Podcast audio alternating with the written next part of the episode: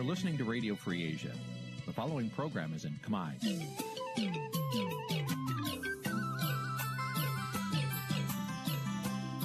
Nǐ chi càm bi tiệp xáy vệt chiu a zì sê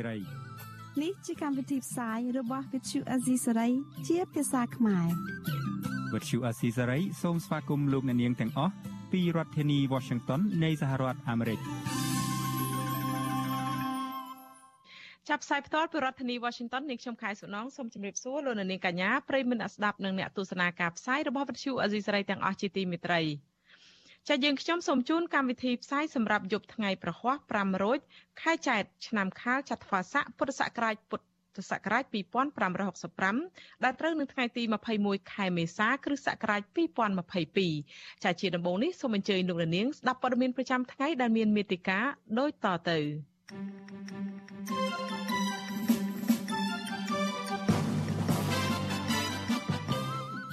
តុលាការកំពូលក៏ហៅស្ថាបនិកចលនាមេដាធម្មជាតិចូលសវនកម្មក្នុងសំណុំរឿងញុះញង់កូនកូនសកម្មជនគណៈបកសង្គ្រោះជាតិថាឪពុកមានសភាពស្គមស្គាំងនៅក្នុងពន្ធនាគារព្រៃសររដ្ឋាភិបាលកែសម្រួលលក្ខខណ្ឌធ្វើចតាឡេស័កសម្រាប់អ្នកដំណើរមិនទាន់ចាក់វ៉ាក់សាំង អាញាធរថៃចាប់ខ្លួនពលករខ្មែរឆ្លងដែនខុសច្បាប់ជិត20នាក់មកកម្ពុជាវិញរួមនឹងព័ត៌មានសំខាន់សំខាន់មួយចំនួនទៀត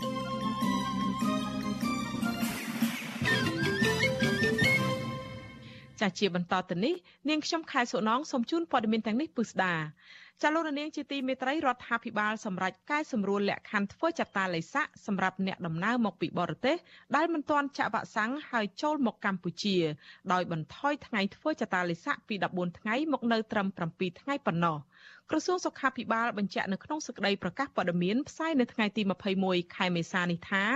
អ្នកដំណើរមកពីបរទេសដែលមិនទាន់បានចាក់វ៉ាក់សាំងឬមិនទាន់បានដែលមិនបានចាក់វ៉ាក់សាំងឬមិនទាន់បានចាក់វ៉ាក់សាំងពេញលេញ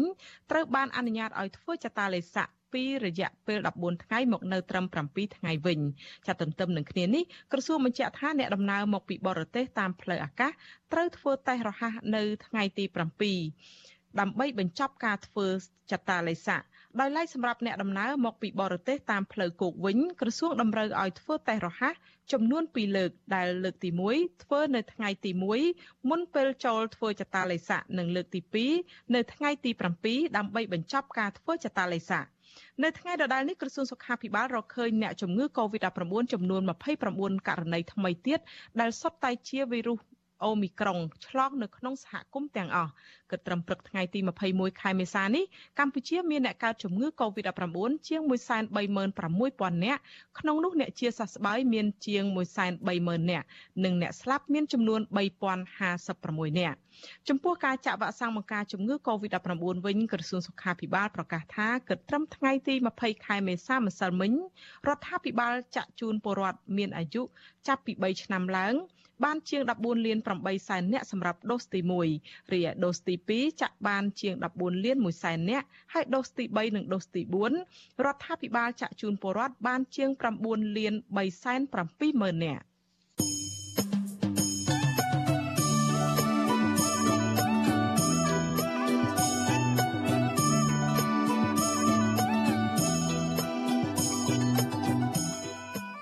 លោករនាងកញ្ញាជាទីមេត្រីចាក្រៅពីលោកនាងទស្សនាការផ្សាយផ្ទាល់លើបណ្ដាញសង្គម Facebook និង YouTube នេះចាវិទ្យុអាស៊ីសេរីក៏មានការផ្សាយផ្ទាល់តាមវិទ្យុរលកធាតុអាកាសខ្លីឬ Shortwave តាមកម្រិតនិងកម្ពស់ដូចតទៅនេះចាប់ពេលព្រឹកចាប់ពីម៉ោង5កន្លះដល់ម៉ោង6កន្លះតាមរយៈរលកធាតុអាកាសខ្លី 12140 kHz ស្មើនឹងកម្ពស់ 25m និង13715 kHz ស្មើនឹងកម្ពស់ 22m ពេលយប់ពីម៉ោង7កន្លះដល់ម៉ោង8កន្លះតាមរយៈរលកធាតុអាកាសខ្លី9960 kHz ស្មើនឹងកម្ពស់ 30m 12140 kHz ស្មើនឹងកម្ពស់ 25m និង11885 kHz ស្មើនឹងកម្ពស់ 25m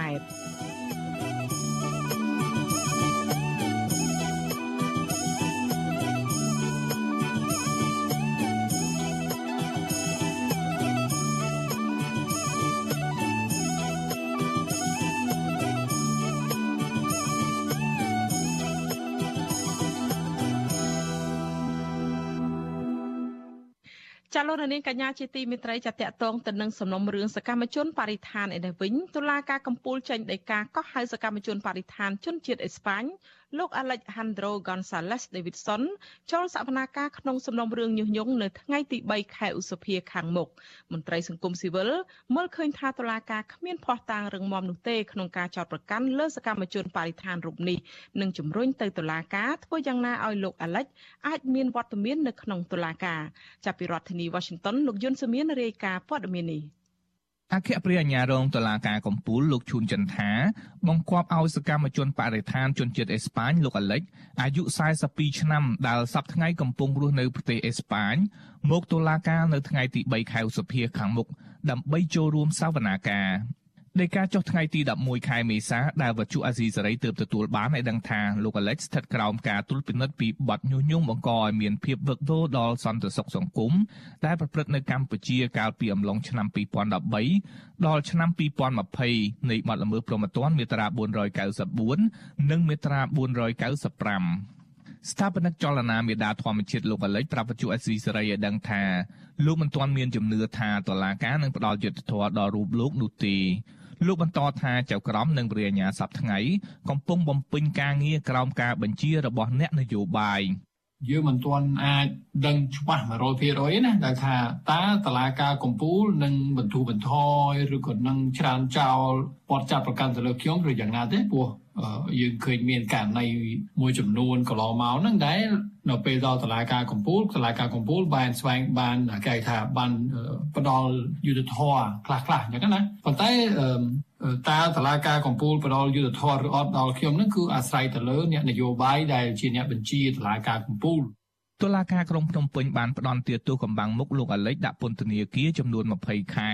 ពីបទផ្សំគំនិតក្នុងអំពើញុះញង់ក្នុងសំណុំរឿងជាមួយសកម្មជនមេដាធម្មជាតិ3នាក់ទៀតរួមមានលោកថនរដ្ឋាកញ្ញាឡុងកុនធា និងកញ្ញាពួនកែវរស្មីប៉ុន្តែអ្នកទាំង3ត្រូវបានតុលាការឲ្យនៅក្រៅឃុំបណ្ដោះអាសន្នក្រោយពួកគេជាប់ពន្ធនាគាររយៈពេលជាង1ឆ្នាំ ទោះបីជាយ៉ាងណាលោកអាលិចបានប្តឹងសារទុកទៅតុលាការកំពូលប្រឆាំងនឹងសារក្រមផ្ដន់ទាទោសលើរូបលោកកាលពីដើមឆ្នាំ2022មេធាវីការពារក្តីឲ្យលោកអាលិចគឺលោកសំចម្រើនប្រាប់ថាលោកត្រៀមខ្លួនដើម្បីការពារក្តីលើសំណុំរឿងនេះរួចហើយលោកមេធាវីឲ្យដឹងទៀតថាលោកនឹងធ្វើលិខិតស្នើសុំទៅតុលាការ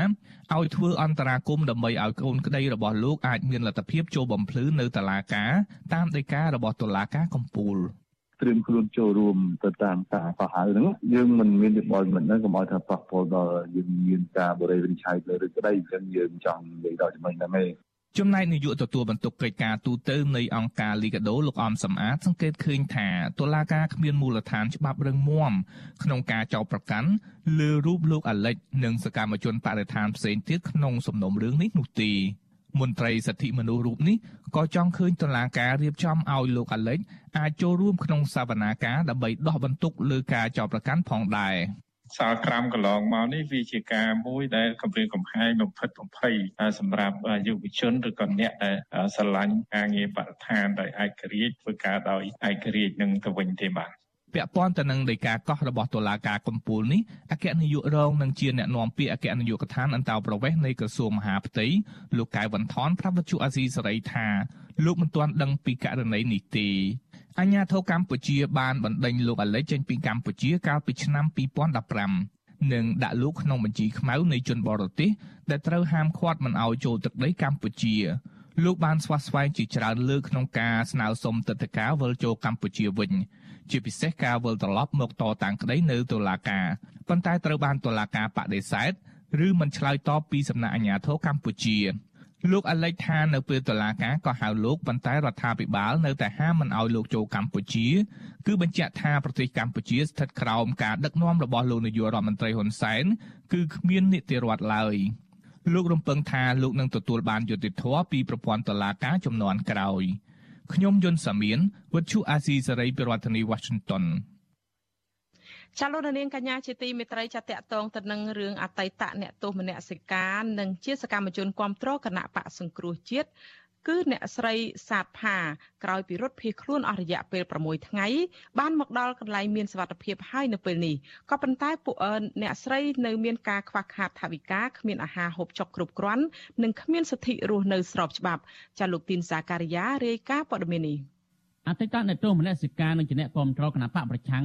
លោកស្រីសាទផាមកដល់ទីមានសុវត្ថិភាពហើយក៏ប៉ុន្តែលោកស្រីបានប្រាប់វិទ្យុអសិរ័យនៅថ្ងៃទី21មេសាថា លោកស្រីមានសុខភាពមិនសូវល្អទេក្រោយពីរត់ភៀសខ្លួនហើយបានហាលភ្លៀងហាលខ្យល់ក្នុងអំឡុងពេលពួនសង្ងំលាក់ខ្លួននៅក្នុងព្រៃនោះ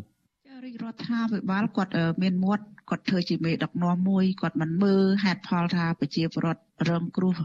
ដូចជាខ្ញុំរងគ្រោះដីធ្លីរហូតដល់ខ្ញុំជួយសង្គមទៀមទាដោះលែងនយោបាយរហូតទៅអាជ្ញាធរបានវាយខ្ញុំ រហូតដល់ពិការជើងតែសួររាជរដ្ឋាភិបាលដែលចាប់អាជ្ញាធរយកមកផ្ដន់ទាទោសក្នុងមុខច្បាប់ឲ្យខ្ញុំនេះអត់មានទេវិទ្យុអសិរ័យមិនអាចតាក់ទងអ្នកនាំពាក្យអគ្គស្នងការដ្ឋាននគរបាលជាតិលោកសានសុកសីហាដើម្បីសួរអំពីករណីចលនាមិកគម្រាមលោកស្រីសាទផានេះបានទេនៅថ្ងៃទី21មេសា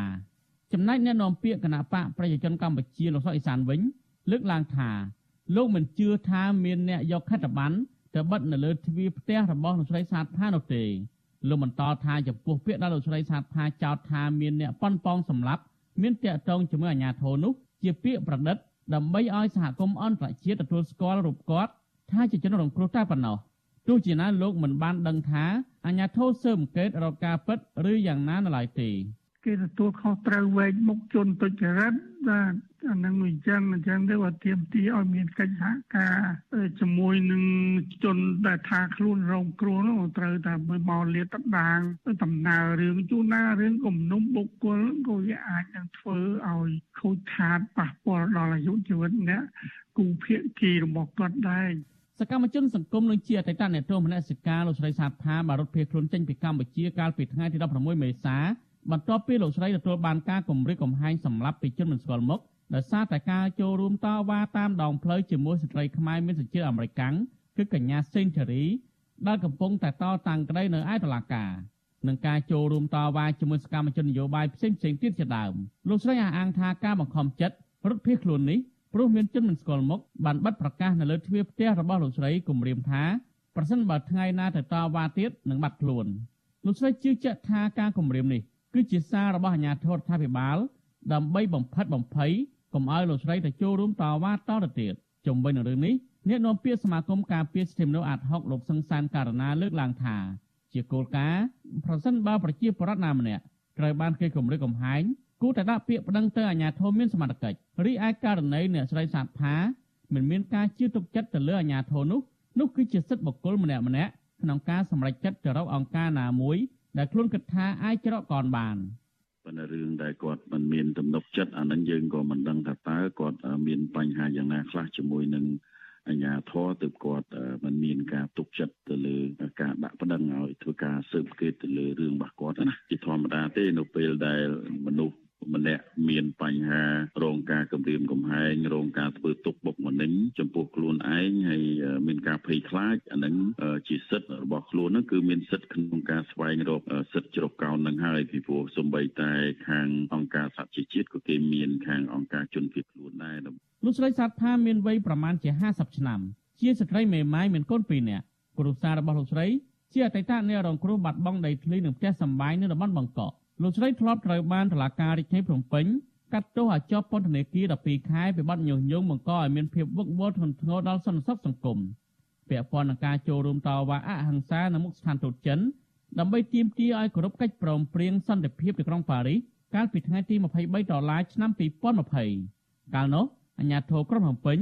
បានតាមចាប់ខ្លួនលោកស្រីសាទផាដល់ក្នុងមន្ទីរពេទ្យលោកសង្ឃកាលពីថ្ងៃទី27ខែតុលាឆ្នាំ2020 ក្នុងពេលដែលលោកស្រីកំពុងសម្រាប់ជាបារបួសប្រេះឆ្អឹងក្បាលជង្គង់ធ្ងន់ធ្ងរដែលកើតឡើងដោយសារអាញាធរបង្ក្រាបដោយហិង្សាលើលោកស្រីជាបន្តបន្ទាប់ក្នុងពេលតវ៉ាទាមទារយុត្តិធម៌សង្គម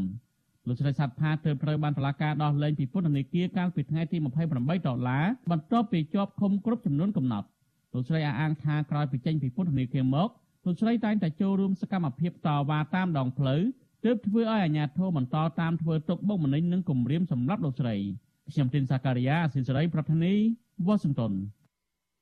ចាលោកនាងកញ្ញាជាទីមេត្រីចាតកតងទៅនឹងរឿងក្តីក្តាំដ៏ចម្រូងចម្រាសរបស់ប្រធានគណៈបកប្រឆាំងលោកកឹមសុខានៅតុលាការវិញម្ដង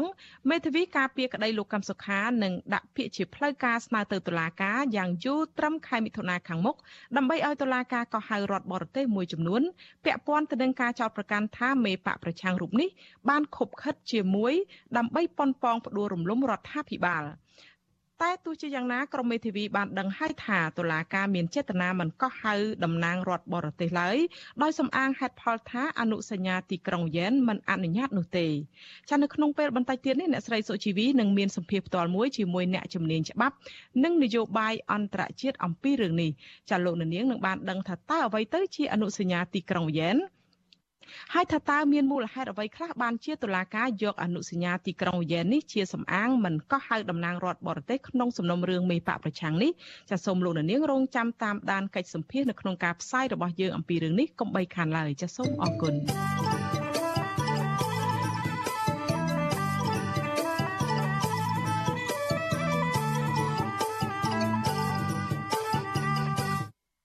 ចាលោកនាងកញ្ញាជាទីមេត្រីចាតកតងទៅនឹងរឿងសកម្មជនបកប្រឆាំងដែលកំពុងជាប់ឃុំឯនេះវិញកូនកូនរបស់សកម្មជនបកប្រឆាំងតក់ស្លុតពេលបានជួបសួរសុខទុក្ខឪពុកឃើញមានសភាពស្គមស្គាំងខុសប្រក្រតីនៅក្នុងពន្ធនាគារព្រៃសរចាពួកគាត់អះអាងថាស្ថានភាពនៅក្នុងពន្ធនាគារចង្អៀតណែនខ្វះអនាម័យនិងគ្មានទឹកប្រើប្រាស់គ្រប់គ្រាន់បណ្ដាលឲ្យអ្នកទោសជាច្រើនមានបញ្ហាសុខភាពចាប់ពីរដ្ឋធានី Washington លោកមួងណារ៉េតមានសេចក្តីរាយការណ៍អំពីរឿងនេះ សាច់ញាតិសកម្មជនគណៈបកប្រឆាំងដែលកំពុងតែជាប់ឃុំលើកឡើងថាស្ថានភាពនៅក្នុងពន្ធនាគារព្រៃសរកាន់តែអាក្រក់ហើយប៉ះពាល់ខ្លាំងដល់សុខភាពជនជាប់ឃុំ ដែលរដ្ឋាភិបាលត្រូវតែប្រញាប់ដោះស្រាយជាបន្ទាន់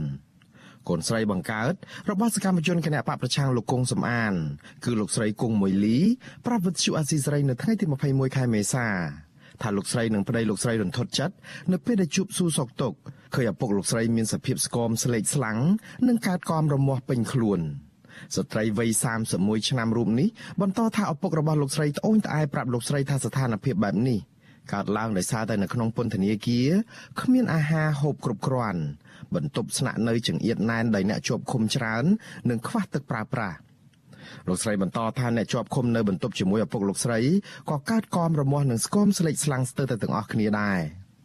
ខាគ្នាគាត់នឹងក៏ចឹងដែររមាស់ពិបាកជាងគេគឺទឹកមុជតែម្ដងវាមិនស្អាតហើយរមាស់មានជំងឺគ្រប់គ្នា អារម្មណ៍ខ្ញុំតក់ស្លុតណាពេលឃើញគាត់អញ្ចឹងកុំគាត់និយាយចង់គួរដើមក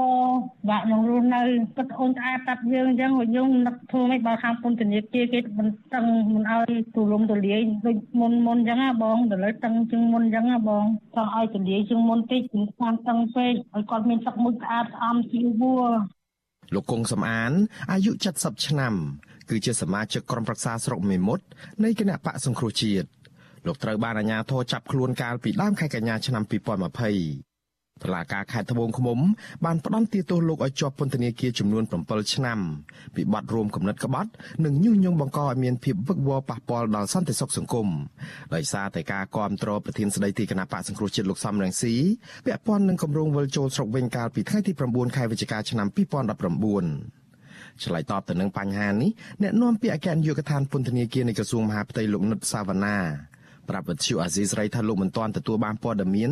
ពីការចង្អៀតណែននិងខ្វះទឹកប្រើប្រាស់នៅក្នុងពន្ធនាគារព្រៃសរនេះនៅឡើយទេក៏ប៉ុន្តែលោកអះអាងថាកន្លងមកក្រសួងមហាផ្ទៃបានដោះស្រាយបញ្ហាចង្អៀតណែននេះដោយបានជំលះជនជាប់ឃុំជិត2000នាក់ចេញពីពន្ធនាគារព្រៃសរហើយចំពោះបញ្ហាខ្វះខាតទឹកប្រើប្រាស់វិញលោកបញ្ជាក់ថាអគ្គនាយកដ្ឋានពន្ធនាគារក៏បានដោះស្រាយជាបន្តបន្ទាប់ដែរ យើងបែងចែកទៅតាមប្រភេទជនជាប់ឃុំហើយនិងចំណាត់ថ្នាក់សន្តិសុខហើយជួនកាលនេះយើងបែងចែកទៅតាមអ្នកដែលមានជំងឺឆ្លងឬក៏អ្នកដែលមានបញ្ហាសុខភាពអីក៏យើងបំបែកគាត់ជាក្រុមដែរអញ្ចឹងវាមានកន្លែងខ្លះយើងចង្អៀតទៅកន្លែងខ្លះយើងទលាយទៅប៉ុន្តែបើសរុបរួមចំនួនជនជាប់ឃុំនៅមមួយហ្នឹងយើងផ្ទេរចេញបានច្រើនអូអនាម័យយើងយកចិត្តទុកដាក់ណានិយាយទៅតាំងពីមានការទូរាដាឆ្លងនៃជំងឺ Covid មកយើងយកចិត្តទុកដាក់ខ្ពស់ក្នុងការធ្វើអនាម័យបើទោះបីជាយ៉ាងនេះក្តីកាលពីថ្ងៃទី14ខែមីនាកន្លងទៅការិយាល័យឧត្តមស្នងការអង្គការសហប្រជាជាតិទទួលបន្ទុកផ្នែកសិទ្ធិមនុស្សនៅកម្ពុជា បានបង្ហោះសារតាមបណ្ដាញសង្គម Facebook ដោយរំលឹករបាយការណ៍ថាពន្ធនាគារនៅកម្ពុជាកាលពីឆ្នាំ2021មានចំនួនអ្នកជាប់ឃុំច្រើនជាង3ដងនៃសមត្ថភាពដែលកន្លែងនេះអាចផ្ទុកជនជាប់ឃុំបានរបាយការណ៍នោះបន្តទៀតថាភាពចង្អៀតណែនការខ្វះទឹកស្អាតប្រើប្រាស់ និងខ្វះអនាម័យការទទួលខ្យល់អាកាសបរិសុទ្ធមិនបានគ្រប់គ្រាន់និងភាពគ្មានការថែរក្សាសុខភាពនៅក្នុងពន្ធនាគារគឺជាហានិភ័យដែលអាចបង្កឲ្យមានការប្រព្រឹត្តអំពើអមនុស្សធម៌ខុសខើនិងការបន្ទាបបន្ថោកតម្លៃអ្នកជាប់ឃុំជាដើមជំរាបនេះប្រធានសមាគមការពារសិទ្ធិមនុស្សអាត់ហុកលោកនីសុខានៅតែមើលឃើញថាជនជាប់ឃុំនៅក្នុងពន្ធនាគារព្រៃសរពិតជារស់នៅយ៉ាងលំបាកវេទនាពីព្រោះចំណីអាហារគ្មានជីវជាតិគ្រប់គ្រាន់ខ្វះអនាម័យ ខ្វះទឹកស្អាតប្រើប្រាស់និងបន្ទប់ស្នាក់នៅចង្អៀតណែនលោកជឿជាក់ថាមូលហេតុនៃបញ្ហាទាំងនេះដោះស្រាយមិនចេញគឺដោយសារតែរដ្ឋាភិបាលគ្មានចេតនាពិតប្រាកដនៅក្នុងការដោះស្រាយបញ្ហានេះ។ រដ្ឋាភិបាលគួរតែពិចារណាឲ្យបានមែនទែនចំពោះការគ្រប់គ្រងអ្នកជាប់ឃុំពីព្រោះយើងស្ថិតនៅក្នុងជាភាគីនៃរដ្ឋហត្ថលេខីទៅលើអនុសញ្ញាស្តីពីការគ្រប់គ្រងជនជាប់ឃុំដែលយើងបានបញ្ជាក់ប្រាប់អំពី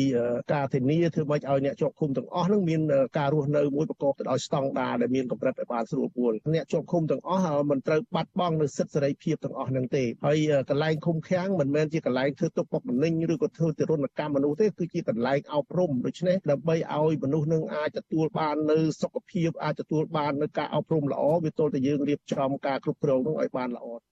បច្ចុប្បន្នមានសកម្មជនគណៈបកប្រឆាំងនិងអ្នកបញ្ចេញមតិរិះគន់រដ្ឋាភិបាលប្រមាណ60នាក់កំពុងតែជាប់ឃុំនៅពន្ធនាគារព្រៃសរ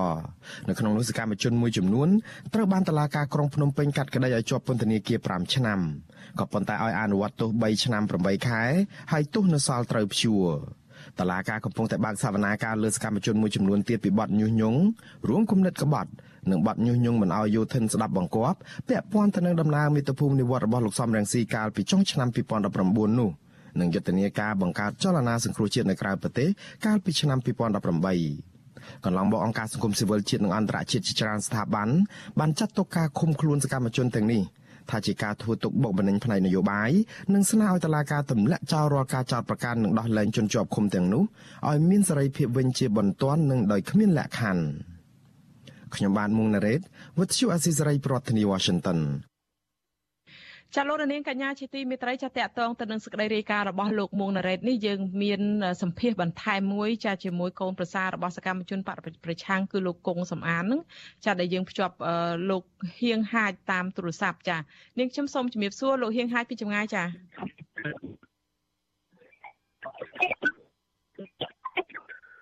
ជំរាបសួរលោកហៀងហាច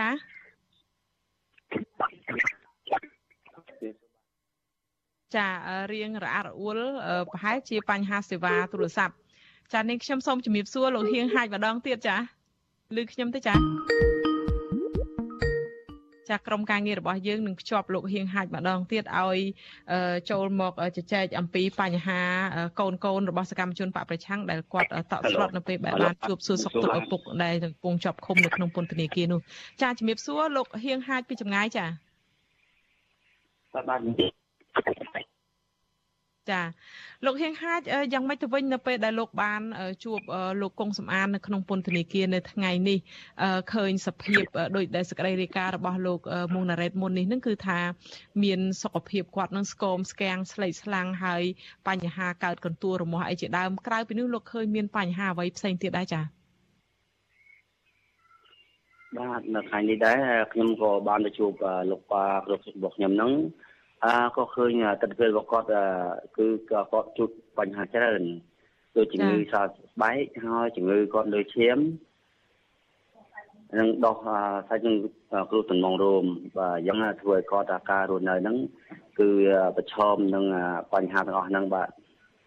ចា ចាលោកឃើញសភាពសុខភាពគាត់គាត់មានបញ្ហាប្រឈមហ្នឹងគឺដោយសារតែយើងដឹងហើយនៅក្នុងពន្ធនាគារมันមានសេរីភាពទេរស់នៅក្នុងមន្ទីរឃុំឃាំងប៉ុន្តែលោកឃើញមានបញ្ហាយ៉ាងម៉េចទៀតមានការជជែកជាមួយគាត់នឹងគាត់បានលើកឡើងអំពីបញ្ហាអីខ្លះពីរឿងការចង្អៀតណែននៅក្នុងពន្ធនាគារឬក៏គាត់មានការផ្ដាំផ្ញើអ្វីផ្សេងទៀតដែរលោកចា៎ បាទការចំណុចនេះគឺគាត់ចង់និយាយថាការគាត់រស់នៅក្នុងបន្ទប់ខ្ញុំក៏បានសួរគាត់ដែរគាត់ថាការរស់នៅនេះគឺមានការណានចង្អៀតប៉ុន្តែបន្ទប់ហ្នឹងគឺការរស់នៅរបស់គាត់គឺ4ម៉ែត្រ4ជ្រុងអញ្ចឹងការដេកនឹងការសម្រាប់ហើយហ្នឹងគឺវាអត់បានពេញលេញនៅការរស់នៅរបស់គាត់អញ្ចឹងណាហើយប្រឈមនឹងបញ្ហាច្រើនបញ្ហាច្រើនការស្នាក់ដេកក៏មិនបានស្រួលនឹងជួបបញ្ហាអឺ គ្នាច្រើនអញ្ចឹងទៅសម្រាប់អីហ្នឹងក៏វាមិនបានស្រួលតាមនៅដកតម្រូវការរបស់គាត់អញ្ចឹងចាចាគាត់ក្រៅពីលើកឡើងអំពីការលំបាកនៅក្នុងពន្ធនាគារនឹងគាត់មានបានផ្ដាំផ្ញើឬក៏ប្រាប់កូនកូនអំពីបញ្ហាអ្វីខ្លះទេគាត់នៅក្នុងនោះគាត់មានការអស់សង្ឃឹមឬក៏មានការព្រួយបារម្ភយ៉ាងម៉េចដែរចំ ពោះការបត់ចោតប្រកាន់របស់គាត់ដែលយើងដឹងហើយថារដ្ឋាភិបាលចោតគាត់ពីបទរួមគំនិតក្បត់នោះចាដែលថានឹងដាក់ពន្ធនាគារ7ឆ្នាំអីនោះតើគាត់មានបានលើកពីបញ្ហានឹងខ្លះបានទេអាចនិយាយគ្នាបានទេរឿងហ្នឹងចាបាទគាត់ក៏លើកឡើងបញ្ហានឹងអស់ដែរទីចំណុចទី1គឺគាត់ចង់ឲ្យអឺអ្នកអឺគ្រប់គ្រងពន្ធនាគារគឺឲ្យថានៃលោកយ៉ាងម៉េចឲ្យគាត់មានការសម្រាប់ហ្នឹង ឲ្យបានស្រួលបួលហើយកុំឲ្យមានការណែណែនឹងអៀតហើយចំណុចទី2គឺគាត់មានការចោទប្រកាន់គាត់អឺដាក់អឺវាគាត់ថាអីសំគណិតក្បត់ពាក្យញុះញង់នោះនឹងហើយចឹងគាត់អត់ទទួលបានទេក្នុងចំណុចនេះហ្នឹងហើយព្រោះគាត់មិនបានធ្វើអ្វីខុសនៅរកបញ្ហាដែលសាលាការកំពូលចាប់ប្រកាន់លើគាត់អញ្ចឹងគាត់អត់កាត់តុងសុខចិត្តហើយគាត់ក៏បានអឺ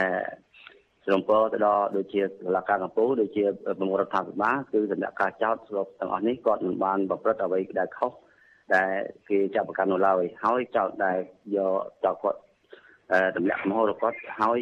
ដាក់ដល់7ឆ្នាំនោះគឺគាត់មិនអាចមិនអាចទទួលបានក្នុងចំណុចនេះគឺគាត់មិនអាចទទួលបានទេព្រោះគាត់អីព្រោះគាត់ប្រាប់ប្រាប់ផ្ញើមកថាព្រោះគាត់មិនបានទឹកតាំងកំហុសតែអ្វីដែលគេចាប់ប្រកាន់ចា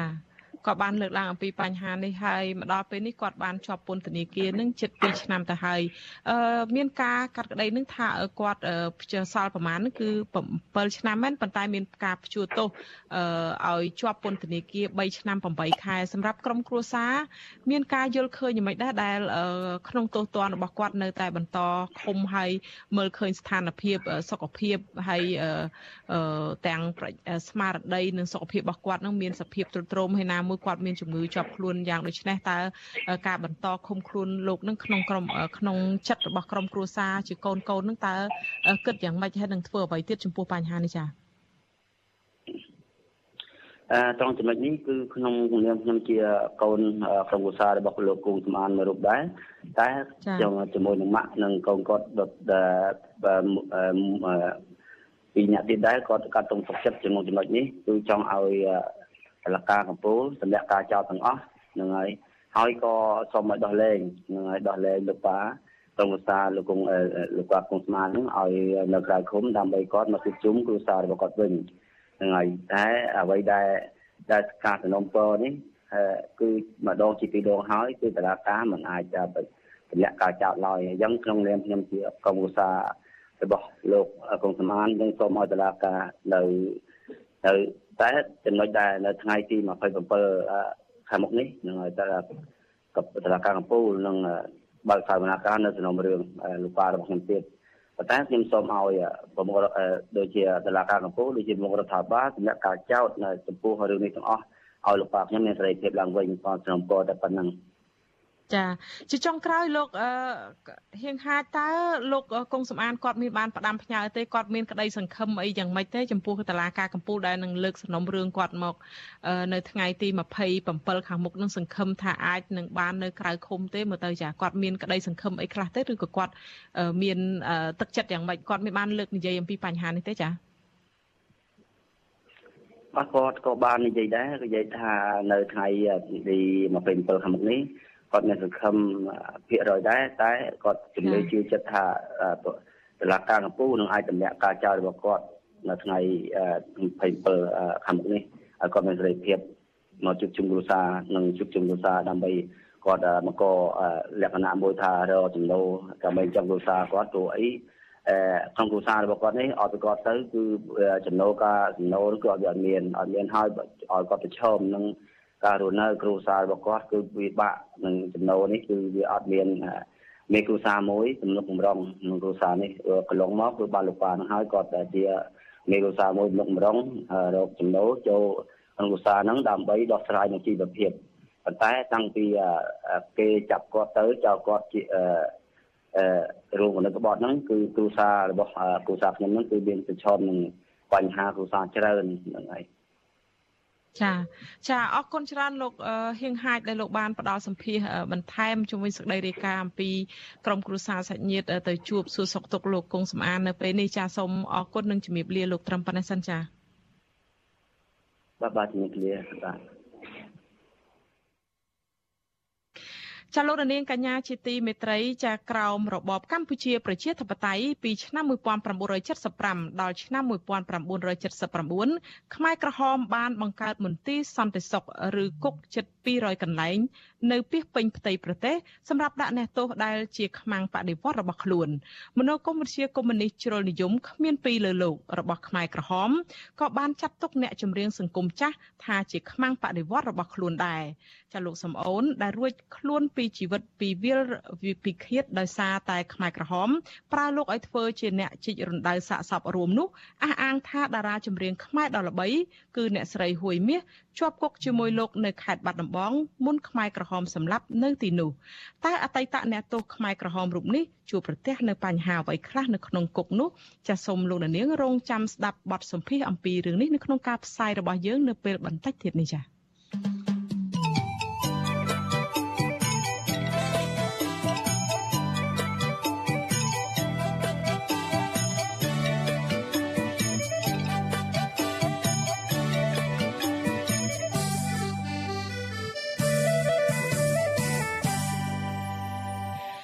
ចាលោករនាងកញ្ញាជាទីមេត្រីលោករនាងកំពុងស្ដាប់នឹងទស្សនាការផ្សាយវិទ្យុអេស៊ីសេរីផ្សាយចេញពីរដ្ឋធានី Washington នៃសហរដ្ឋអាមេរិកចាតកតងទៅនឹងសំណុំរឿងរបស់ក្រុមកម្មករកោតកម្មកាស៊ីណូ Nagavel ឯនេះវិញចាអាញាធរ ចម្រុះរាប់រយនាក់នៅរសៀលថ្ងៃទី21ខែមេសានេះបានបន្តឡើងពាត់នឹងស្រាក់ដៃគ្នាស្ទាក់ផ្លូវបុគ្គលិក Nagavel ចំនួន136នាក់នៅចំណុចសួនច្បារវិមានឯករាជ្យនៅពេលដែលពួកគេកំពុងធ្វើដំណើរទៅតវ៉ាដោយសន្តិវិធីនៅមុខអគារក្រុមហ៊ុន នៅពេលនោះបុគ្គលិកស្រីស្រីមួយចំនួនបានក្រាញខ្លួនអង្គុយចុះហើយក្រុមសន្តិសុខខណ្ឌដូនពេញក៏បានអូសទាញនិងបង្ខំឲ្យឡើងរថយន្តដែលចតចាំនៅក្បែរនោះកោតក្រ Nagavel ម្នាក់គឺកញ្ញាសុករតនាប្រាប់ពទ្យុអេស៊ីសេរីនៅមុនការផ្សាយនេះបន្តិចថាអាញាធរបានបង្ខំរុញច្រានកោតក្រទាំងកំរោលឲ្យឡើងរថយន្តក្រុង ចំនួន8គ្រឿងនិងដឹកចេញដោយរាល់ដងដោយយកទៅទម្លាក់នៅតំបន់ស្ងាត់ក្បែរសួនសត្វ Safari ក្នុងខណ្ឌព្រៃភ្នៅកញ្ញាបន្តថារហូតដល់ម៉ោង5ល្ងាចទើបអាជ្ញាធរដឹកពួកគាត់មកទម្លាក់នៅទីលានប្រជាធិបតេយ្យដោយឲ្យកោតក្ររកមធ្យោបាយធ្វើដំណើរត្រឡប់ទៅផ្ទះវិញដោយខ្លួនឯងអឺថ្ងៃនេះដូចជាអត់មានអីខ្លាយទេបងដូចរាល់តដងអញ្ចឹងនិយាយទៅឥឡូវថ្ងៃនេះវាមានការរុញច្រានបន្តិចដែរបង ដោយសារតែពួកខ្ញុំដឹងស្រាប់ហើយកោការរបស់ពួកខ្ញុំគឺចង់ទៅមុខមុខ Nagavel ពួកខ្ញុំមានវិវាទជាមួយនឹងក្រុមហ៊ុនអញ្ចឹងពួកបងបងអាជ្ញាធរហ្នឹងគាត់បានមករញច្រានពួកខ្ញុំមកទាញឡើងឡាននឹងអីចឹងទៅបងដល់ពេលហើយគាត់មកពួកខ្ញុំគាត់មានប្រើអំពើហិង្សាដែរពួកខ្ញុំធ្វើកោតកម្មអហិង្សាអញ្ចឹងពួកខ្ញុំមានតែសុំគាត់ទៅមុខ Nagavel តែប៉ុណ្្នឹងទេបង ក្រុមកោតក្រនិងសហជីពរិះគន់ចំណាត់ការរបស់អាជ្ញាធរថាអសមត្ថភាពក្នុងការដោះស្រាយបញ្ចប់វិវាទការងារដ៏រ៉ាំរ៉ៃនឹងធ្វើឲ្យកោតក្ររងនៅភាពអយុត្តិធម៌កាន់តែខ្លាំងឡើងបន្ថែមទៀតពួកគេថានឹងបន្តចេញធ្វើកោតកម្មដោយសន្តិវិធីដើម្បីទាមទារឲ្យថកែទទួលយកកម្មករជាង200នាក់ឲ្យចូលធ្វើការវិញនិងត្រូវគោរពសិទ្ធិសហជីពស្របតាមអនុសញ្ញាស្នូលរបស់អង្គការពលកម្មអន្តរជាតិខាងការងារ ILO thank you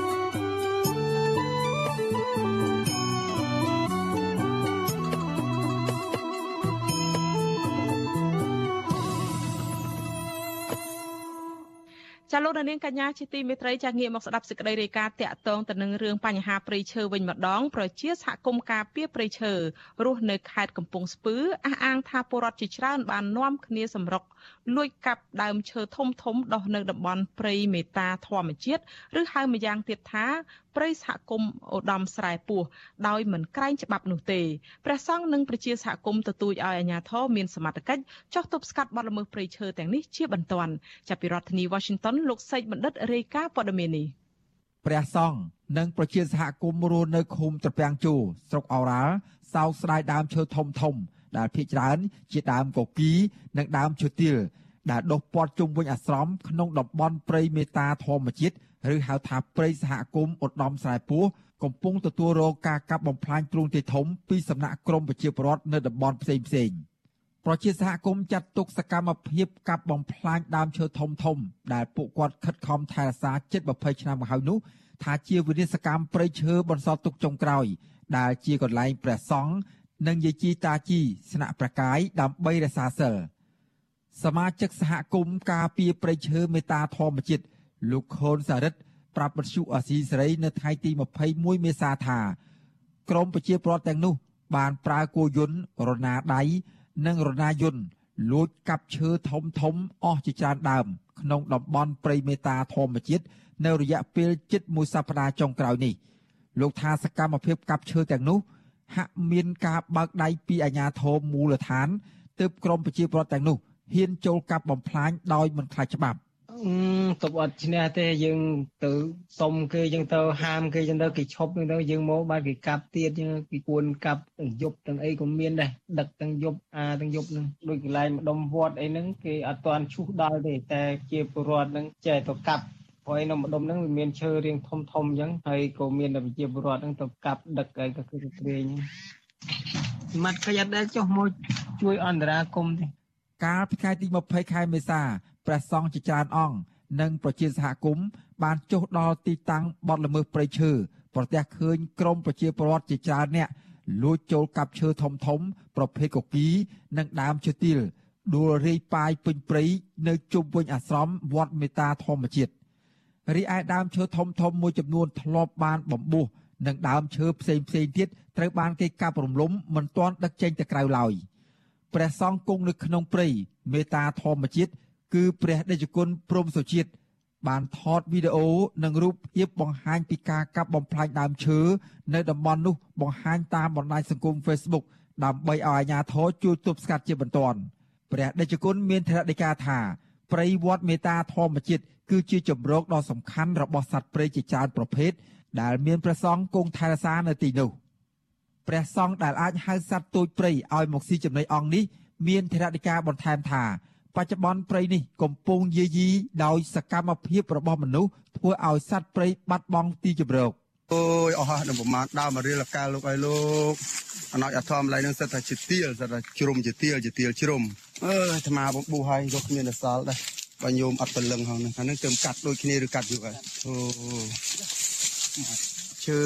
រើព្រៃលែង ស្គាល់តម្លៃវត្តអារាមអស់ហើយពុទ្ធសាសនាអស់ហើយដើមឈើបំពោះដើមឈើថែក៏ញោមកាប់យកដែរវិទ្យុអសីសេរីនៅពុំទាន់អាចតាក់ទងសុំការបំភ្លឺអំពីរឿងនេះពីអភិបាលខេត្តកំពង់ស្ពឺលោកវីសំណាងនិងស្នងការនគរបាលខេត្តនេះលោកសំសមួនបាននៅឡើយទេ នៅថ្ងៃទី21ខែមីនាដោយទូរស័ព្ទហៅចូលចានដងតែគ្មានអ្នកទទួលរីឯមេឃុំត្រពាំងជូលោកទេពណែមក៏វិទ្យុអសីសេរី ពុំទាន់អាចសុំការបំភ្លឺបានដែរនៅថ្ងៃដដែលនេះក៏ប៉ុន្តែអភិបាលខេត្តកំពង់ស្ពឺលោកវីសំណាងធ្លាប់ប្រាប់វិទ្យុអសីសេរីថាសំណុំពររបស់ប្រជាពលរដ្ឋគឺជាសិទ្ធិសម្រេចរបស់រដ្ឋាភិបាលលោកបញ្ជាក់ថាមន្ត្រីជំនាញបានចុះទៅពិនិត្យទីតាំងដីព្រៃមានចំនួននោះហើយគឺមិនស្ថិតនៅក្នុងតំបន់ដីព្រៃសហគមន៍ឧត្តមស្រែពូនោះទេកាលពីខែសីហាឆ្នាំ2021កន្លងទៅរ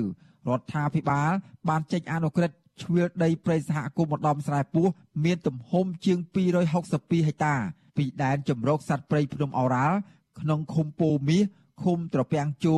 ស្រុកអូរ៉ាល់ខេត្តកំពង់ស្ពឺ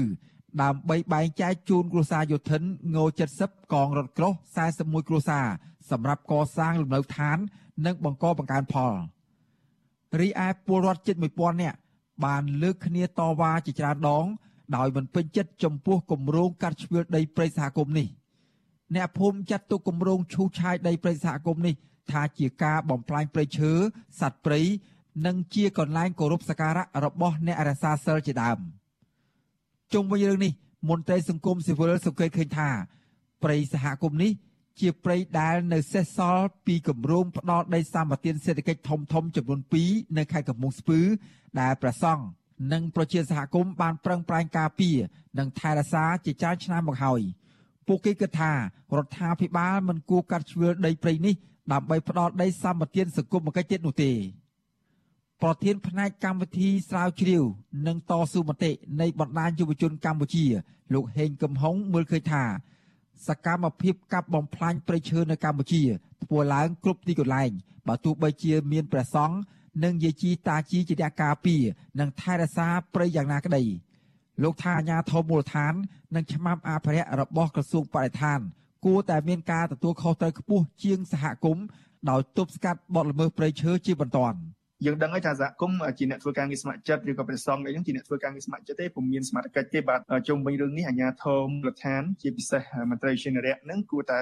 យកចិត្តទុកដាក់គ្រប់គ្រងហើយជាពិសេសនៅពេលដែលមានបទល្មើសបែបនេះហ្នឹងគួរតែធ្វើការចោះទៅអន្តរាគមន៍ភ្លាមភ្លាមខាត់ខ្លួនឬក៏អនុវត្តទៅតាមនីតិវិធីជុំវិញអ្នកដែលទៅកាប់បំផ្លិចបំផ្លាញទុនធានធម្មជាតិនិងព្រៃឈើនេះបាទកាលពីដើមខែមីនាឆ្នាំ2022កន្លងទៅ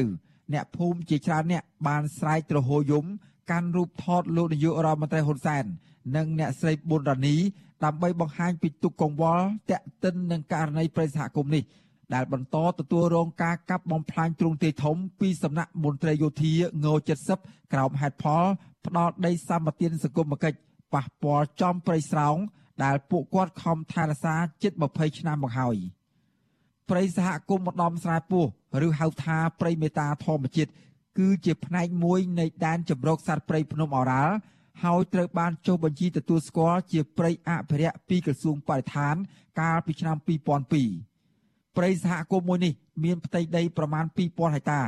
ប៉ុន្តែបច្ចុប្បន្នកាន់តែរួមតូចនៅសល់តែ800ហិកតាប៉ុណ្ណោះ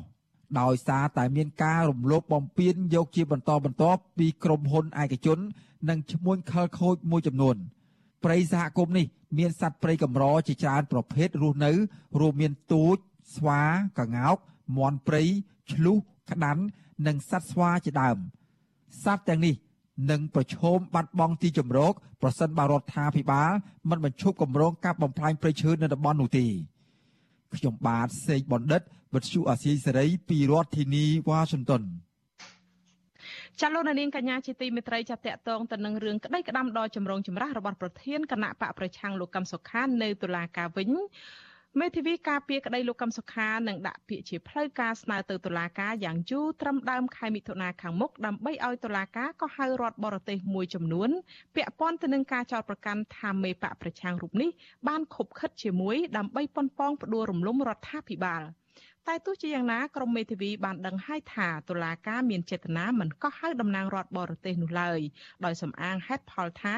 អនុសញ្ញាទីក្រុងវីយ៉ែនមិនអនុញ្ញាតនោះទេ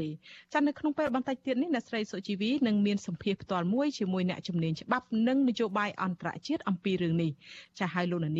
នឹងបានដឹងថាតើអ្វីទៅជាអនុសញ្ញាទីក្រុងវីយ៉ែនហើយថាតើមូលហេតុអ្វីបានជាតុលាការយកអនុសញ្ញានេះមកជាសំអាងមិនកោះហៅតំណាងរដ្ឋបរទេសនៅក្នុងសំណុំរឿងមេបកប្រឆាំងនេះចាសូមលោកនាងរងចាំស្ដាប់បទសម្ភាសអំពីបញ្ហានេះនៅពេលបន្តិចទៀត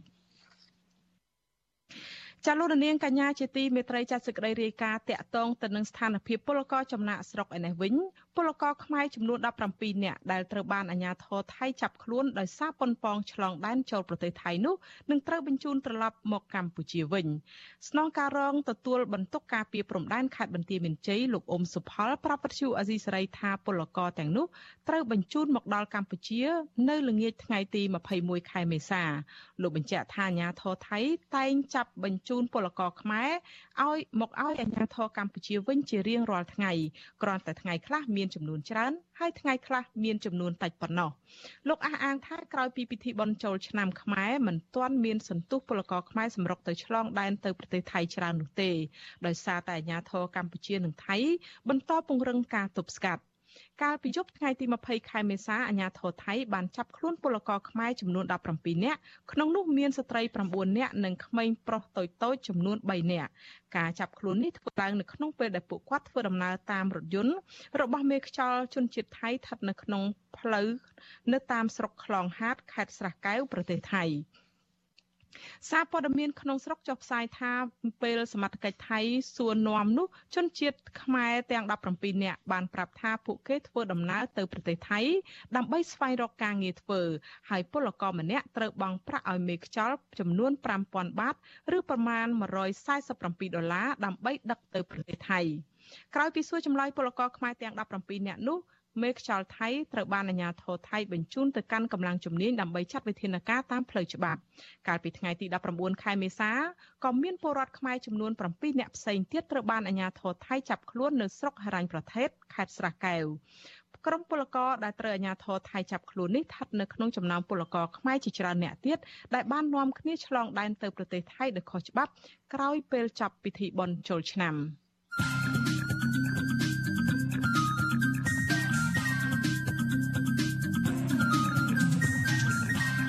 បទសំភារ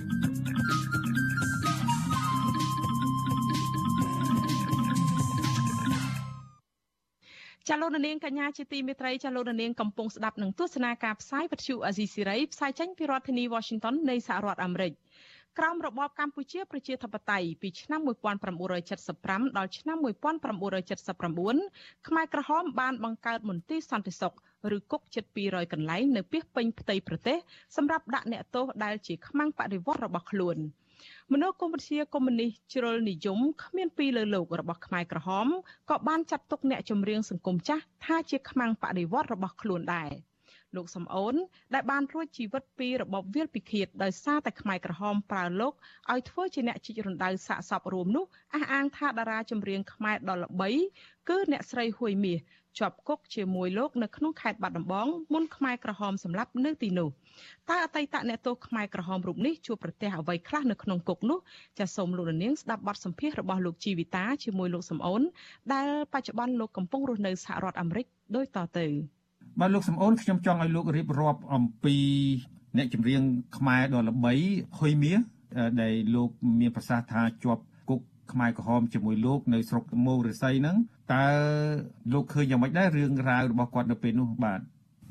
បាទមុនដំបូងអត់ទាន់សម្រាប់ទេប៉ុន្តែក្នុងមន្ទីរឃុំខាំងហ្នឹងពួកដែលយោធាខ្មែរក្រហមចាំការនៅគុកហ្នឹងវាឲ្យគាត់ច្រៀងរាល់តែយប់ទៅទៅភ្លឺអត់ឲ្យឈប់ទេម្នាក់មកអញ្ចឹងទៅយាមក្រុមអញ្ចឹងអាមួយមកទៀតបើឲ្យច្រៀងវាបន្តតបទៅការច្រៀងហ្នឹងគាត់ទៅច្រៀងជាបទប្រពៃណីណា វាអត់មានច្រៀងបទសម័យអីទេមានតែមានអ្នកខ្លះវាតែឲ្យច្រៀងបទសម័យឲ្យវាមកបទចឹងទៅគាត់ក៏ច្រៀងទៅហើយគេមានវាយធ្វើបាបគាត់ទេអត់អត់វាយទេតែឲ្យពួកអ្នកទោសហ្នឹងលោកលោកឲ្យវាមើលអ្នកទោសដូចគ្នាហ្នឹងបាទបាទវាយអ្នកទោសហ្នឹងឯងអត់លោកអញសម្រាប់ឲ្យចោលហ្នឹងមិនដឹងអឺយោធានឹងគាត់ខ្សឹបប្រាប់លើលឺថាគាត់ជាហ៊ុយមីសហ្នឹងអ្នកណាប្រាប់ គេស្គាល់ពួកគេមកអួតហ្នឹងក៏ក៏ប្រាប់ដែរយោធានឹងខ្មែរក្រហមបាទហើយគាត់ជ្រៀងមកខ្ញុំអ្នកស្លាប់ជំរាញខ្ញុំដឹងសម្លេងគាត់ហើយពេលគេយកហ៊ុយមាសទៅសម្លាប់នោះយ៉ាងម៉េចដែរលោកឃើញយ៉ាងម៉េចគាត់ជាប់អត់ដល់មួយអាទិត្យផងហ្នឹងដល់ថ្ងៃទៀតចង់គាត់បដាទៅខ្ញុំឃើញដែរយកវាយចោលលើដាក់គូថ្នោតហើយលោកហ្នឹងមិនមែនពួកខ្ញុំជីកទេវាជីកទេតែជាតឹងថាជា5ទឹកចឹងបដោ2ម៉ែត្រ រាក់ដល់ទេជីកលោកពីរនាក់ហើយហ៊ុយមីគាត់ផត់ជាងអ្នកទៀតក្រុមតែខ្ញុំប្រកាសដែរតែតែបងប្អូនណាសាច់ញាតិហ៊ុយមីឃើញខ្ញុំនាំទៅកោះដែលបែកមកហើយបាទបាទមករយៈពេលដែលលោកជាប់គុកខ្មែរក្រហមនៅមូរិស័យហ្នឹងខ្មែរក្រហមប្រើលោកឲ្យធ្វើអីខ្លះបាទខ្ញុំនឹងដែលអ្នកកម្លាំងឡើងហ្នឹងគឺអត់អីក្រៅពីជីកលងនេះប៉ុណ្ណឹងប៉ុណ្ណឹងសម្រាប់ កប់ខ្មោចហ្នឹងហ្មងព្រោះវាពួកអ្នកទោសវាច្រើនកាន់តែច្រើនហ្នឹងយីអស់ហើយកន្លែងក្នុងអាគុកផ្ទះថ្មហ្នឹងកន្លែងអាក្រុមរោងខ្ញុំដេកហ្នឹងក៏ជាប់គុកពេញនឹងអាចច្របាក់ខ្នោះនឹងពេញក្រុមព្រោះវាវាយបខំហ្នឹងខំមកវាយមួយថ្ងៃ100មួយថ្ងៃ100 100ជាងដាក់លងរហូតលងខ្ញុំជិះហើយអស់ហើយនឹង8លងសនលងធំធំមកណាលងធំប៉ុណ្ណាទំហំប៉ុណ្ណាអាធំនេះគេ10ម៉ែត្រ4ជ្រុងហ្នឹង ហើយអាអែបអែបហ្នឹងវាមាន5ម៉ែត្រ4ជ្រុងជំរឹងលូកដៃផុតទៅឈោងផុតទៅបាទដាក់ពេញមួយចឹងវាវាយចឹងយើងពេលយើងសម្រាប់កៅអៅអីហើយហើយហ្នឹងអាវាអត់ប្រើនៃកម្លាំងវាទេវាប្រើពួកយើងកប់កាយលុបវិញអាឲ្យដីហ្នឹងលុបឲ្យវិញហើយទៅហើយកប់នឹងខាងក្រុមពួកលោកជាអ្នកទោសដែរនោះគេប្រើឲ្យដោះខោអាវបាទដោះគ្រប់តែអ្នកទោសអញ្ចឹងតែម្ដងឬយ៉ាងម៉េចដោះទាំងអស់ ហើយខោអាវនោះគេយកទៅណាខោអាវនោះពួកខ្ញុំត្រូវបោកឲ្យគេវិញគេឲ្យអាស្ប៊ូស្ប៊ូដុំដុំហ្នឹងឲ្យអ្នកបំអ្នកបំហ្នឹងអាសាប៊ូអឺពណ៌ដូចដីឥដ្ឋហ្នឹងហ៎បាទបាទដូចតែអត់ចឹងណាដោះញីនឹងស្ទឹងហ្នឹងទៅរួចហើយយកមកហាលនៅជិតវត្តនេះទាហានមានខ្សែដាក់ហាលឲ្យគេណាពេលទៅបោកនេះក៏យកគេ3 4នាក់នៅចាំយើងនឹងស្ទឹងហ្នឹងណាអត់មានឲ្យយើងមកវិញទេដើរតែឯងនេះមកហាលរួចហើយ វាចែកបបរយើងហូបហើយដល់ចូលកន្លែងទៅអីហ្នឹងចាក់សោមស្រាយវិញទៅនៅពេលដែលអ្នកទោសជាប់ក្នុងគុកនោះខ្មែរក្រហមមានសួរចម្លើយអីទេវាសួរដែរដែលសួរនោះសួរសំណួរអីខ្លះទៅសួរអ្នកឯងធ្វើអីមកពីណាអញ្ចឹងណាដូចជាខ្ញុំអញ្ចឹងអឺបន្ទោលបងថាអីថាខ្ញុំជាកូនសិស្សហើយវាសួររៀនណាក់ទីប្រមាណនេះម៉ានអញ្ចឹងយើងប្រាប់វាទៅ វាសួរថាអ្នកឯងរៀននឹងដើមនិយាយយកទៅធ្វើការអីគំនិតខ្ញុំចង់ចេញមកវិញធ្វើពេទ្យសាស្ត្រពេទ្យអីខ្ញុំថាអញ្ចឹងណាហើយវាប្រាប់និយាយត្រង់និយាយត្រង់វាហៅយើងសួរពីរដងអញ្ចឹងទៅពេលសួរខ្ញុំវាអត់មានយកអាថងផ្លាស្ទិកទេមុខរត់អីណាតែអ្នកខ្លះវាយកអាថងថងហ្នឹងច្រកថងហ្នឹងហិតសួរចម្លើយហើយនឹងវាយសាច់ភ្លើងហើយក៏អ្នកខ្លះសួរទៅថាអ្នកធ្វើអី ខ្ញុំកម្មកតធ្រោហើយវាថាចុះកម្មកតធ្រោនោះអ្នកឯងដឹងហ្នឹងអាហ្នឹងកម្មកតស្រីវាសួរថាធ្លាប់ធ្វើហ៊ានធ្វើអីដែរបងហ្នឹងប៉ុន្តែវាមើលដែរដូចជាក្មេងខ្ញុំមិនដឹងវាវាអត់មានសួររៀនមួយចាស់តើវាសួររៀនមកវាមើលមុខវាដឹងអាចដឹងចំនួនទេចំនួនអ្នកទោសដែលខ្មែរក្រហមសម្លាប់នៅពេលនោះទេព្រោះអាថ្ងៃសម្បត្តិ ច្រើនពីគេគឺអ្នកយកពីស្វាយរៀងមកដែលខោអាវថ្មីពេញជ្រើកមកថ្ងៃកសែងពណ៌ខៀវសខៀវសចូលមកមកលាក់ហ្នឹងគាត់ទៅចំណងចំណងចងខ្សែរឹងមកទៅបណ្ដាមកថ្ងៃហ្នឹងវាយវាយបន្តបដាក់យកមកវាយរហូតមកវាយពេលថ្ងៃឬក៏ពេលយប់វាយឲ្យតាំងពីចុះឡានម៉ោង5វាយរហូតមកអត់មានសួរចម្លើយអីទេវាយយកវាយយកមក ហើយឯសល់ប្រហែលបានគេដាក់ចូលអីខ្សែដើមវាយទៀតលោកសំអូនមកពីស្វាយរៀងប្រហែលប្រហែលអ្នកពលរដ្ឋដែលយកទៅវាយចោលនោះហើយដែលយកមកហ្នឹងហើយជា5ឡាន5ឡានអាឡានហ៊ានចិន5ឡានវាដាក់សុខោណែនមកអត់មានអង្គុយឡានទេពេញពេញមកពេញឡានអស់កម្ដៅនោះគឺនៅប្រហែលចង្ងាយណាពីគុកហ្នឹងវា20ម៉ែត្រនៅជាប់ថ្នល់ហ្នឹងបង ប៉ុន្តែវាវាដើរឈើបាំងពីនេះដើរចេញដើម្បីបាំងពីថ្នល់មើលអត់ឃើញណាវាយកទៅវាយហ្នឹងអ្នកទោសដតីទៀតដឹងទេដឹងទាំងអស់ដឹងតែអត់ហ៊ានមន់ទេគាត់ទៅចាប់អូសសម័យហ្នឹងគឺវាហៅពួកខ្ញុំពួកឯងចុះលងហើយវាប្រាប់ហើយពេលអញវាយទម្លាក់ទៅឯងពួកឯងស្រែកខ្សែអស់អញហើយនឹងដោះអាវអស់យកបាវអីទៅហើយថកអាវហើយមកវិញចាំអញឲ្យស្ប៊ូយកទៅបោកនៅស្ទឹងមុំនិយាយអញ្ចឹងណាធ្វើតាមនេះទៅ ខ្ញុំបែរជា7 8នាក់នៅក្នុងវងមួយមួយលោកសំអូនខ្លួនឯងនេះខ្មែរក្រហមមានដែរប្រើឲ្យវាយឲ្យសម្លាប់មនុស្សទេអត់ទេអត់ទេអ្នកទោសទាំងអស់អត់ឲ្យវាយអ្នកទោសដូចគ្នាគឺគ្នាវាហ្មងគេហៅមិត្តបៃមិត្តបាវមិត្តរិនអួនខ្ញុំចាំមកអាអ្នកខ្លាំងខ្លាំងតែ3 4អ្នកហ្នឹងផ្សេងផ្សេងទៀតអត់តាមទួចាំថាអាមេធំនឹងជាគេហ្នឹងបាទពួកអ្នកហ្នឹងសុទ្ធតែអ្នកតនីទុកមានទាំងអស់អ្នក និរដីហ្មងបាទហើយមេគុកនៅទីនោះឈ្មោះអីដែរលោកសំអូនចាំបានទេឈ្មោះបៃបាទហើយមួយទៀតឈ្មោះបាវហ្នឹងសុទ្ធអ្នកតនីទុកមានហើយខ្ញុំសួរតំណឹងទៅនៅរស់តែជាឆ្នាំ1987អីខ្ញុំសួរថាអាហ្នឹងនៅអ្នកតនីថានៅនៅរស់បាទលោកសំអូនតើពេលអ្នកសម្លាប់អ្នកទោសហ្នឹងឲ្យលោកសំអូនហើយនឹងអ្នកទោសដតី ទៀតហ្នឹងចុះក្នុងរណ្ដៅហ្នឹងគេឲ្យធ្វើអីខ្លះពេលហ្នឹងគេឲ្យយើងដឹងថាខ្សែចំណងហើយនឹងដោះខោអាវឲ្យទាំងអស់អត់មានមាត់កអីទាំងអស់តែមួយ7នាក់ហ្នឹងគឺដឹងតែស្រ័យហ្មងឲ្យគេហ្នឹងអញ្ចឹងពេលខ្មែរក្រហមវាយហ្នឹងវាយទឹកជាប់ចំណងបាទបើមកណៅវាឲ្យលុតគង់ហ្នឹងលុតជុំវាវាយប៉ាំងធ្លាក់ទៅក្រោមបាត់ហើយខ្មែរក្រហមយកឧបករណ៍អីវាយបាទ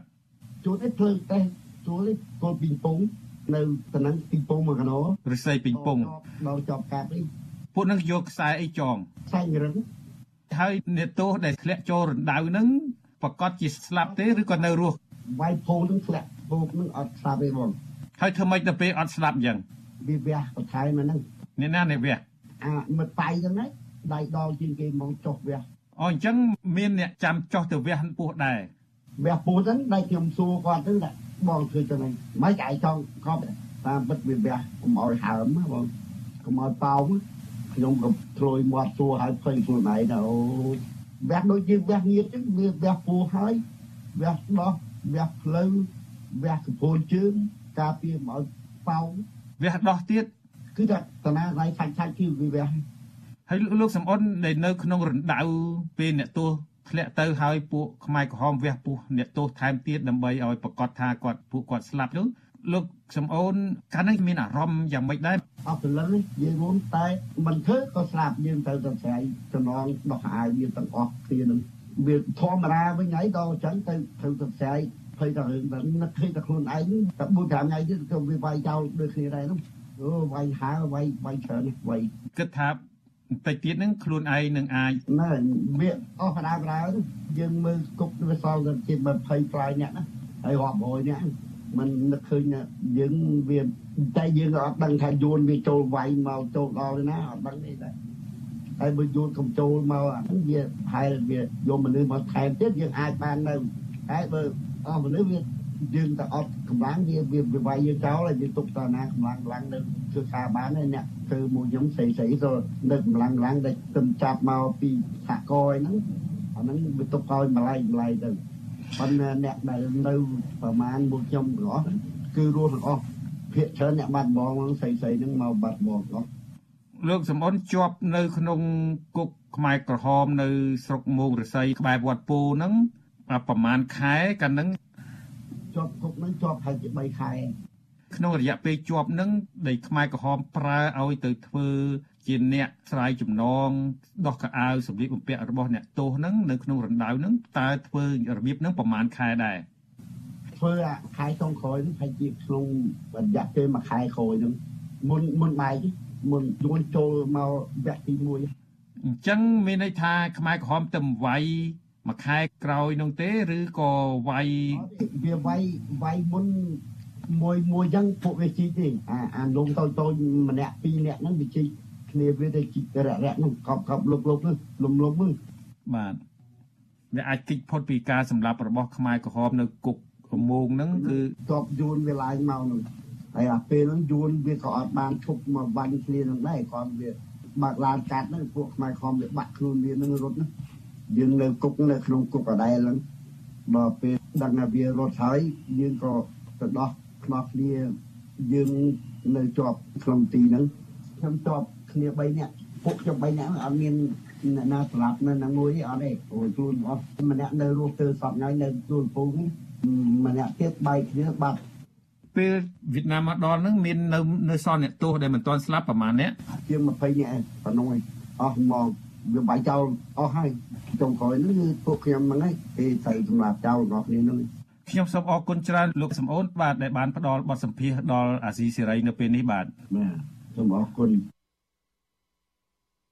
ចាលោករនាងកញ្ញាជាទីមេត្រីចាលោករនាងទៅបានស្ដាប់បទសម្ភាសន៍របស់លោកជីវិតាជាមួយលោកសំអូនអំពីជីវិតអ្នកទោសខ្មែរក្រហមនៅស្រុកមោងរស័យខេត្តបាត់ដំបងដែលលោកបានឃើញតារាចម្រៀងខ្មែរអ្នកស្រីហួយមាស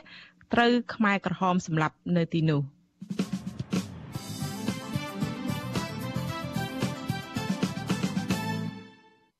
ចាលោករនាងកញ្ញាជាទីមេត្រី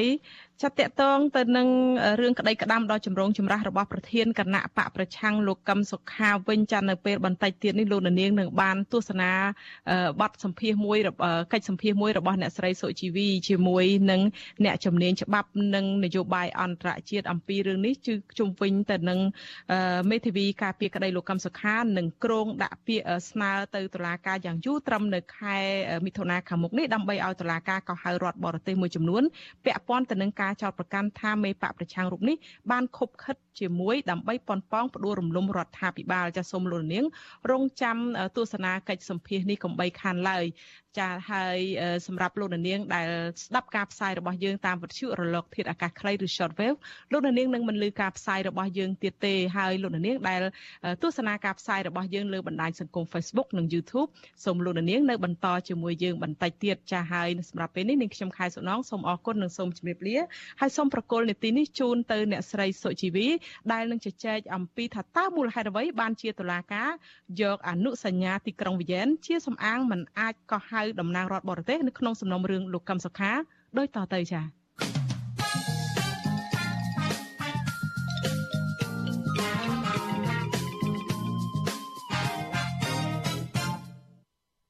ចា៎នេះខ្ញុំសុជីវីសូមជម្រាបសួរលោកនាងកញ្ញាដែលកំពុងតាមដានការ